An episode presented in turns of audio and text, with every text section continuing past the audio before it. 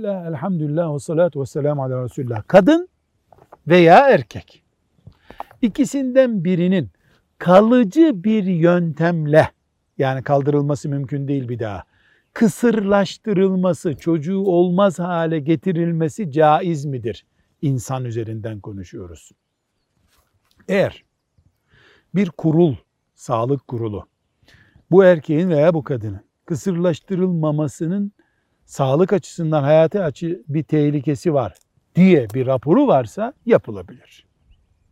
Böyle bir rapor yokken şu veya bu keyfi nedenle veya istekle işte çocuktan nefret ettiği gibi bir sebeple kısırlaştırma işlemi haramdır.